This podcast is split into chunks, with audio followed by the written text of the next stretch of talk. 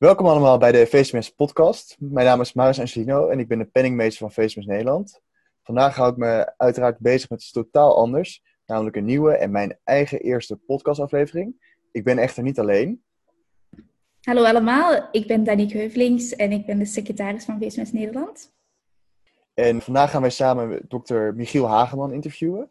Michiel ontdekte als artsonderzoeker de kracht van het samen beslissen en het belang van keuzehulpen. Na het afronden van zijn studie geneeskunde vertrok Michiel als artsonderzoeker naar de Harvard Medical School in Boston om de wereld van het samen beslissen te onderzoeken. Naar aanleiding hiervan is hij vervolgens in Nederland gepromoveerd in orthopedische besluitvorming en heeft hij in 2013 Patiënt Plus opgericht samen met dokter Teun Teunis. Gedurende zijn opleiding tot orthopedisch chirurg liet dit onderwerp hem niet los. Uiteindelijk heeft hij besloten zich volledig te richten op de wereld van de keuzehulpen en heeft nu als doel om de patiënt zich niet alleen gehoord te laten voelen, maar ook gehoord te laten zijn. Met, zijn thema, met het thema van zijn boek Samen beslissen waarom moeilijk doen als het samen kan in ons achterhoofd. Michiel, hartelijk dank dat je samen met ons deze podcast wilt opnemen. En dankjewel Maries en Danique voor uh, jullie uitnodiging. En uh, ontzettend gaaf om uh, vandaag weer op deze manier samen te mogen werken. We kennen jou natuurlijk eigenlijk al een tijdje vanwege enkele samenwerkingen. Zo ben je spreker geweest op onze module van januari vorig jaar over evidence-based surgery. Jouw verhaal is eigenlijk uh, vrij bijzonder. Kan je iets over jouw traject aan onze luisteraars vertellen? Ja, wat mijn uh, traject denk ik enigszins uh, bijzonder maakt, is dat ik gepokt en gemazeld leek in een opleiding tot orthopedisch chirurg. En daar uiteindelijk halverwege mijn opleiding besloten mee te stoppen. en dat was omdat ik uiteindelijk mijn hart verloor aan de besluitvorming. enerzijds vanuit het uh, perspectief van de arts en anderzijds vanuit het perspectief van de, patiënt. En ja, dat is natuurlijk niet een uh, beslissing die je over één nacht ijs neemt en had een uh, langere aanloopperiode. En in lijn met hetgeen wat jij eigenlijk al, al deelde, was ik in opleiding tot arts, vergelijkbaar met de, de fase waar jullie je nu in bevinden. En merkte ik hoe complex het is om een patiënt goed te betrekken in het besluitvormingsproces. Patiënten zijn vaak niet goed op de hoogte van hun diagnose, de verschillende behandelopties. laat staan dat ze kunnen aangeven wat ze wel of niet belangrijk vinden. En dan is het ook niet verwonderlijk dat ze veel terugvallen op uh, dokter, zegt u, maar u heeft er toch voor geleerd. En als we dan kijken hoe wij, uh, enerzijds als co-assistenten, maar vooral op dat je artsassistent of specialist bent, beslissingen neemt, dan merk je dat je heel erg sterk denkt vanuit je eigen drijfveer en context en wat je denkt wat goed is voor die patiënt. En dat is dan bijvoorbeeld gebaseerd op uh, de richtlijnen of wat je met, ook met je maatschap hebt besproken, hoe je met de patiënten bepaalde beslissingen neemt. En onverhoopt kan dat leiden tot een mismatch. Dus hetgeen wat je eigenlijk adviseert, dat dat niet uh, toepasbaar is voor de patiënt. En uiteindelijk ook tot onbegrip of ontevredenheid kan leiden. En dat is het probleem wat ik ook um, had ervaren uh, te tijden, enerzijds ten tijde van opleiding tot arts. En in een latere fase ook ten tijde van opleiding tot uh, orthopeed. En toen stond ik aan de, de vooravond om promotieonderzoek te gaan doen in Boston, aan het Massachusetts General Hospital. Harvard Medical School. En daar heb ik echt een enorme inspirerende tijd gehad. Het gave van uh, nou, hoe de Amerikanen de zorg hebben ingericht, dat is enigszins vergelijkbaar zoals uh, wij dat hier in Nederland hebben, in ieder geval wat kwaliteit betreft. Maar ze meten bijna alles. Dus we hebben enorme databases tot onze beschikking gehad om te cranken. dus we zijn gaan voorspellen wat de sterkste voorspellers waren van heropname waar ik ook mee bezig ben geweest in, in Amerika, is dat ik naar aanleiding van mijn ervaring in Nederland ook aan de professor had aangegeven van hey, dit is het probleem waar we in Nederland tegenaan lopen. En herken je dat ook vanuit Amerikaanse zorg?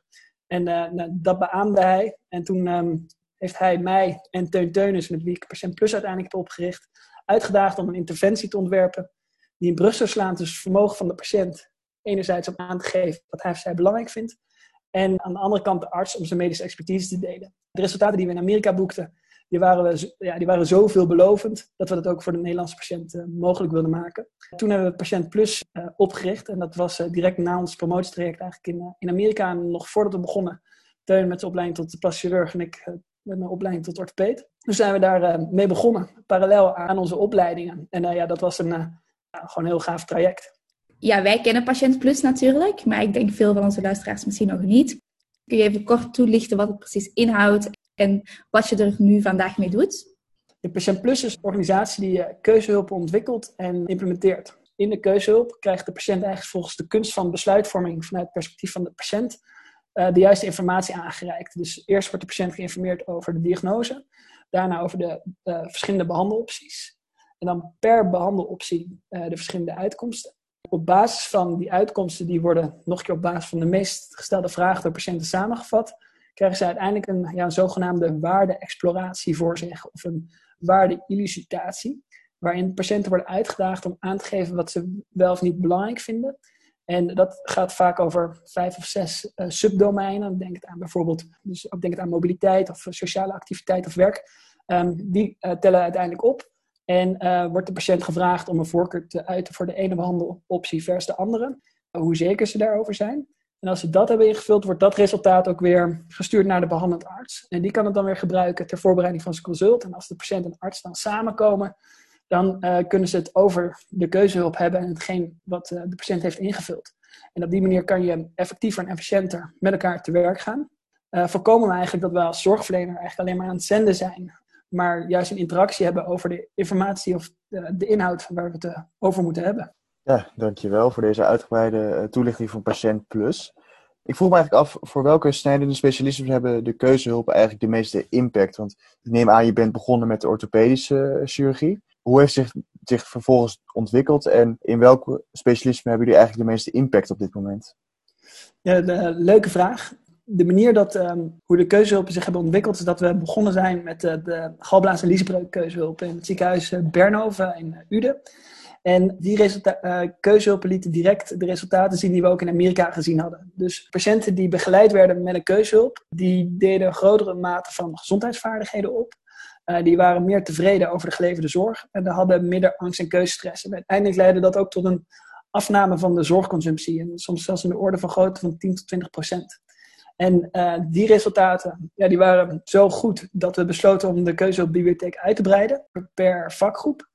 Waarbij de vakgroepen die ons dicht bij het hart liggen, um, uh, denk het aan of tenminste dicht bij onze specialisaties, dus uh, orthopedie en plastische chirurgie en ook onze voorbereiding chirurgie. En ook collega's die we nauw hebben samengewerkt in gynaecologie. Dat zijn wel de onderwerpen waarvan we nu de meeste keuzehulpen, of vakgroepen, waar we, waarvoor we de meeste keuzehulpen beschikbaar hebben. Kan Patiënt Plus bijvoorbeeld ook gebruikt worden in meer acutere settingen? Want uh, preoperatief, daar gaat vaak wel nog een traject aan vooraf. Patiënten kunnen dan eventueel rustiger nadenken. Zijn er ook acute situaties waarin het ja, toegepast kan worden? Eh, de keuzehulpen kunnen uh, heel goed in de acute situatie worden toegepast. Alhoewel ehm, de ene acute situatie is natuurlijk de andere niet. En als je bijvoorbeeld denkt aan een gescheurd abdomen, dan heb je maar enkele seconden of minuten om met een patiënt tot beslissing te komen als de patiënt nog aanspreekbaar is. Dus dat is niet het juiste moment om een keuzehulp in te zetten. Maar we hebben wel onderzocht of de acute setting wel geschikt is om keuzehulp in te zetten. En het blijkt dat uh, patiënten in de acute setting eigenlijk net zo grote mate van behoefte aan het samen beslissen of gezamenlijk besluitvorming hebben als patiënten uh, die niet in de acute setting zitten. En aanvankelijk waren we met elkaar denk ik ook in de veronderstelling dat de tijd te beperkt is op de spoedeisende hulp om tot een gezamenlijk besluit over te gaan. Maar ik denk ook in lijn met wat jullie ervaringen zijn, is dat toch patiënten snel al drie à vier uur op de spoedeisende hulp zijn.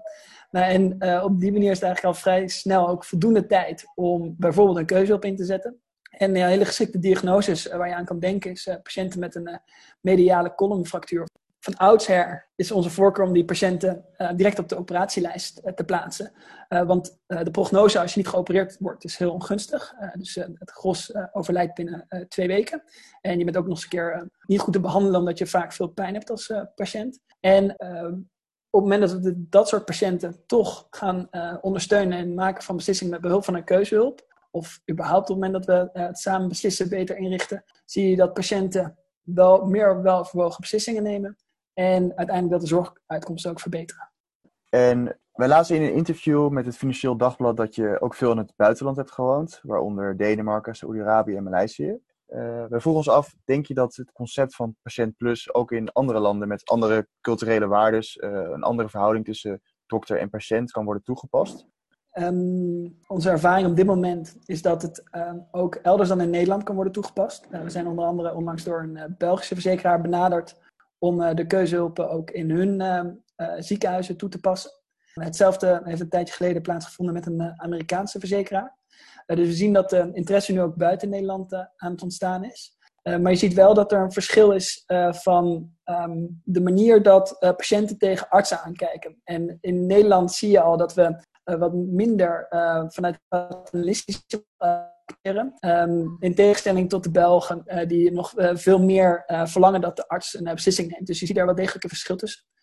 dus ik denk dat de mate dat het wordt geadopteerd in andere landen wel degelijk gaat verschillen. Maar ik zie ook wel kansen. Um, dus met name ook in landen waar de zorg minder toegankelijk is. dat je als patiënt ook het bewustzijn krijgt dat er ook alternatieven zijn dan bijvoorbeeld geopereerd worden. Dat alles wat kan, dat dat niet per definitie moet. Dat je ook als patiënt op die manier echt heel laagdrempelig de gezondheidsvaardigheden opdoet die je nodig hebt om goed om te gaan met je ziektebeeld. En dat sluit eigenlijk ook weer heel sterk aan bij de gedachte dat op het moment dat wie dan ook uh, beter grip krijgt op uh, zijn ziektebeeld, uh, dus door middel van gezondheidsvaardigheden, dat het ook leidt tot betere resultaten. Dus niet of je wel of niet geopereerd wordt, maar de sterkste voorspeller voor uiteindelijk functioneren zijn je gezondheidsvaardigheden, eigenlijk je coping.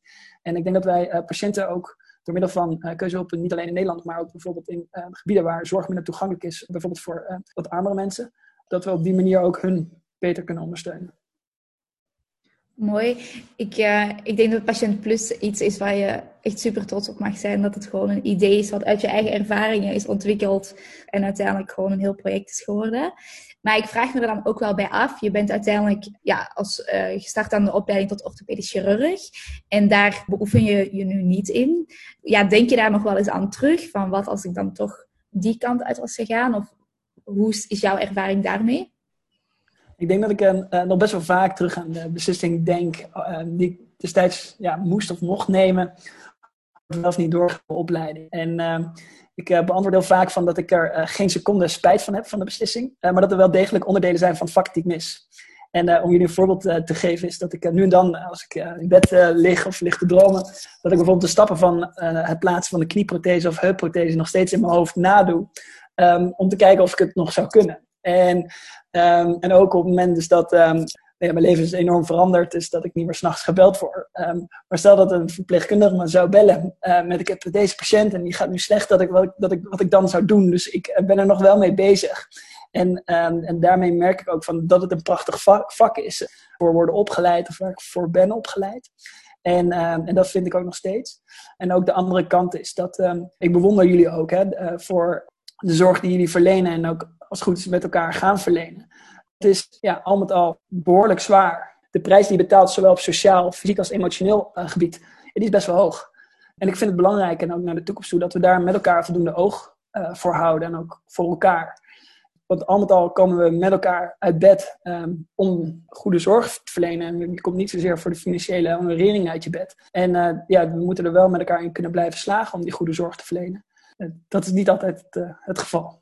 In hoeverre vond je eigenlijk dat dit soort thema's tijdens zo'n opleiding werden benadrukt?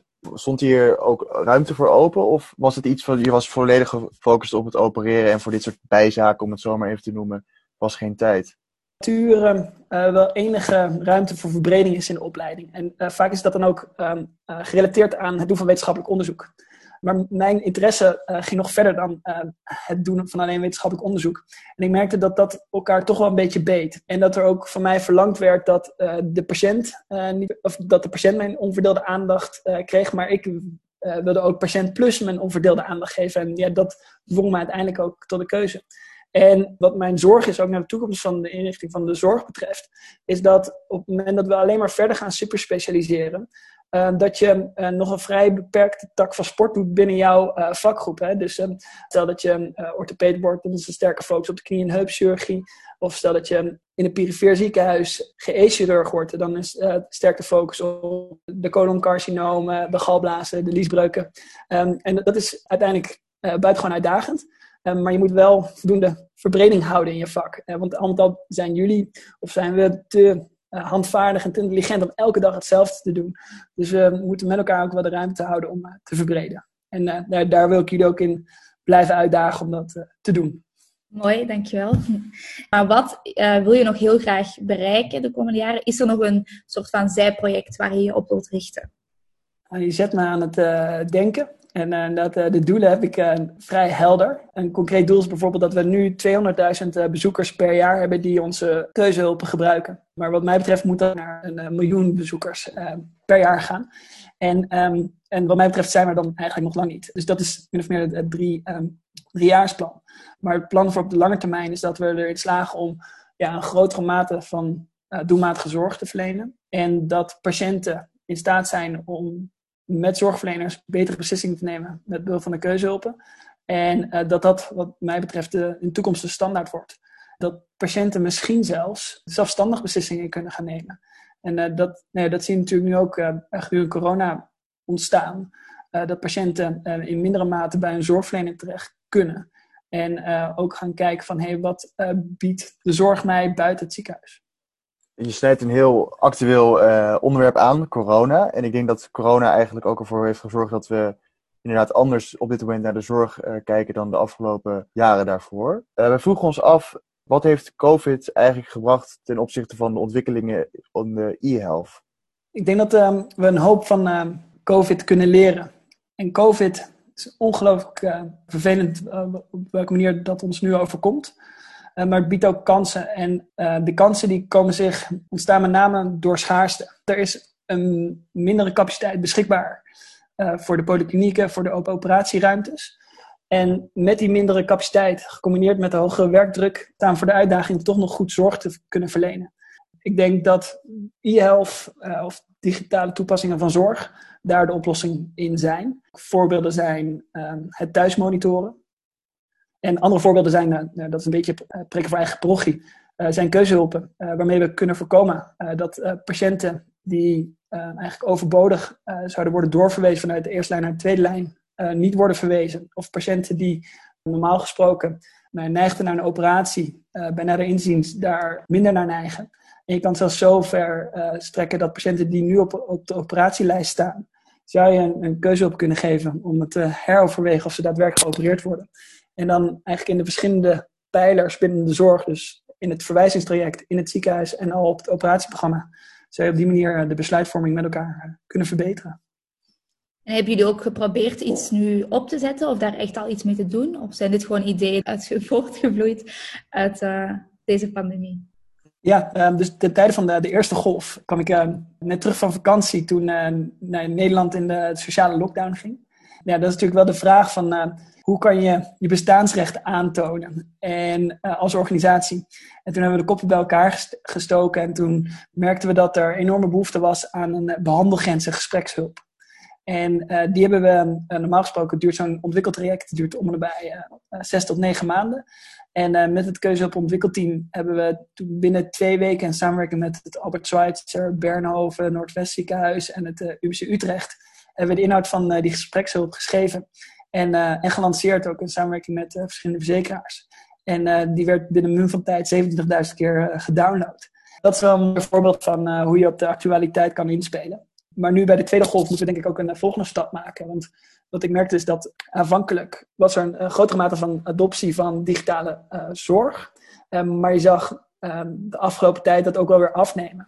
En uh, wat mij betreft moeten we toch ook deze golf benutten om het meer te standaardiseren. Uh, Michiel, je gebruikte net een aantal keer de term uh, gezondheidsvaardigheden. Zou je deze term nog kunnen toelichten?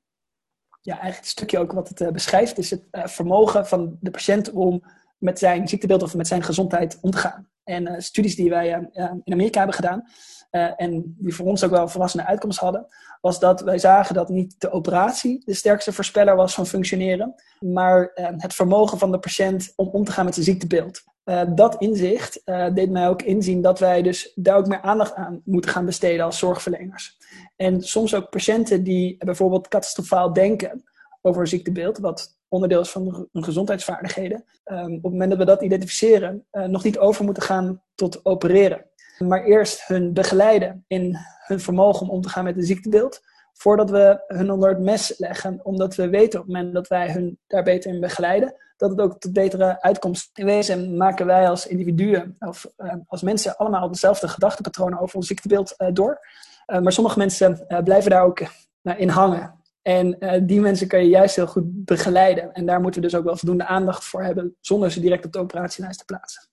We hebben net een aantal voorbeelden doorbesproken van het gebruik van keuzehulpen. En die spelen zich eigenlijk met name af in de tweede lijn. Ik vroeg me af, is er ook een ruimte voor keuzehulpen in de eerste lijn? De eerste uh, keuzehulpen voor de eerste lijn hebben we inmiddels uh, ontwikkeld. Uh, een mooi voorbeeld is eigenlijk ook de behandelgrenzen gesprekshulp. die wordt ook in de eerste lijn ingezet. Maar een ander mooi onderwerp is de liesbreukkeuze die inmiddels in 15 huisartsenpraktijken in de eerste lijn wordt ingezet. Dat leidt wel tot interessante resultaten, want we zien dat patiënten die die liesbreukkeuze op in eerste lijn gebruiken, dat die minder vaak worden doorverwezen. Nou, dat is ehm, een, een, mooi resultaat. Uh, maar we, we, zien ook dat de patiënten die minder vaak worden doorverwezen in vergelijking met de patiënten die wel worden doorverwezen ook een vergelijkbaar resultaat boeken.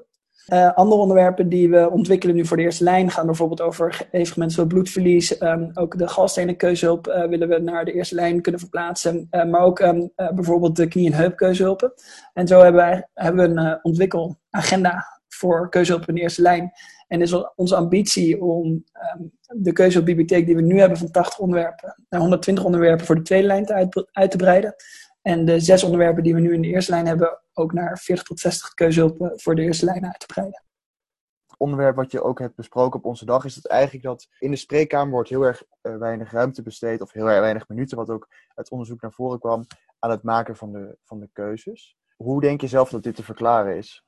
Ik, ik denk dat het um, de reden dat wij weinig aandacht besteden aan het maken van beslissingen te maken heeft ook met de manier dat we opgeleid worden. Dus op het moment dat we als co-assistent een patiënt zien en uh, die gaan presenteren aan je supervisor of je, een, een artsassistent, uh, dan uh, is de eerste reactie van ja, wat is je plan? Of wat is je advies? Dus onze neiging is ook op het moment dat wij een patiënt gezien hebben om ook direct een plan te hebben. terwijl een patiënt niet per definitie op dat moment op een plan zit te wachten. Die wilde misschien juist alleen de informatie hebben over zijn diagnose of horen wat zijn diagnose is. Dus wij zijn heel erg uh, geneigd om direct te gaan handelen. En dat is gewoon het aardje van het beestje, dat is een stukje opleiding. Maar het is ook goed om soms een stap terug te doen. Uh, maar ook de ruimte te geven om, voor de patiënt om de informatie te laten bezinken. En indien zij het van belang achten, nog een latere fase over de behandelopties te hebben. Dat sluit ook wel mooi aan bij. Uh, er zijn heel veel keuze of onderwerpen waar we nu nog geen keuzehulpen voor hebben. En hoe je dan met de patiënt tot een weloverwogen keuze kan komen. Dat betekent dat je op het moment dat je bij een patiënt de diagnose hebt gesteld, dat je de patiënt ook informeert dat er een keuze gemaakt moet worden. En uh, dat het belangrijk is dat die patiënt ook betrokken is bij het maken van die beslissing. Om de patiënt zo goed mogelijk te betrekken in, in het maken van die beslissing. Dat je de patiënt informeert over wat de diagnose is, wat de verschillende behandelopties zijn, wat de verschillende uitkomsten zijn van de behandelopties. En dat je vervolgens van de patiënt ook graag wil weten uh, wat die patiënt belangrijk vindt. Om op basis daarvan weer tot een uh, gezamenlijk besluit te komen. Komt het soms teleurstellend over, of dan kan het een teleurstelling zijn dat de patiënt zegt van, uh, nadat jij al die stappen helemaal hebt doorlopen van dokter, zegt u het maar, want u heeft het toch voorgeleerd. Um, en dan kun je weer terugvallen op van ja, ik wil best de beslissing voor nemen. Maar dan wil ik weten of je dit en dit of dat en dat belangrijk vindt. En dan, nu ik weet dat je dit en dit of dat en dat belangrijk vindt, dan kan ik me voorstellen dat dit een behandeling is die bij u past. En dan klopt dat. Zo gebruik je eigenlijk je medische kennis en expertise alsnog om samen met de patiënt toch tot een besluit te komen. Dan zet je gewoon, ja. ja dan focus je eigenlijk op andere doeleinden. Dan, uh, ja. ja, precies. En het is, het is heel verleidelijk om direct je advies te laten klinken. Uh, maar je moet dus wat terughoudender zijn in, in het geven van je advies. Om eerst uh, de patiënt de ruimte te geven om eigenlijk ongekleurde informatie te krijgen. Michiel, eigenlijk zijn er naast de dokter en de patiënt is er eigenlijk vaak ook nog een andere speler in de uh, spreekkamer die we niet altijd zien. En dat is de zorgverzekeraar. Um, hoe kijkt een zorgverzekeraar eigenlijk naar deze ontwikkelingen? Wat mij betreft zijn er minimaal drie uh, stakeholders die van belang zijn in deze ontwikkelingen. Uh, dat um, is het ziekenhuis met de zorgverleners, de patiënt en de verzekeraar. En uh, waarom de verzekeraar daar zo'n uh, belangrijke rol in uh, speelt, is omdat we op dit moment merken dat er ook wat ehm, ja, zorgen zijn over het toepassen van keuzehulpen. Omdat het kan leiden tot een afname van de zorgconsumptie. En de afname van de zorgconsumptie kan als consequentie hebben dat je als organisatie minder omzet realiseert. de rol die de verzekeraar daarin kan vervullen, en dat is ook de samenwerking die we met verschillende ziekenhuizen en verzekeraars hebben, is dat de verzekeraar daar een bepaald comfort in creëert. En uh, ziekenhuizen of zorgverleners die bereid zijn om te innoveren, daar eigenlijk niet voor gestraft worden. Uh, op het moment dat zij een grotere mate van doelmatige zorg verlenen. Dat ze niet per direct een uh, specialist moeten reduceren, maar dat ze een bepaald comfort krijgen. En ook een bepaalde honorering. Dus al met al ehm, kunnen we dit niet alleen. Dus je kan het als ziekenhuis niet voor elkaar boksen. Uh, je kan het als patiënt niet voor elkaar boksen. En wij als organisatie ook niet. En hetzelfde geldt voor de verzekeraar. Dus met het speelveld van de verschillende stakeholders uh, moeten we daar heel nauw in samenwerken. Ik denk dat we uit heel deze uh, sessie echt ongelooflijk veel leerpunten kunnen meenemen. zowel naar de koolschappen als ANIOS, AIOS en specialist of wat we ook willen gaan doen.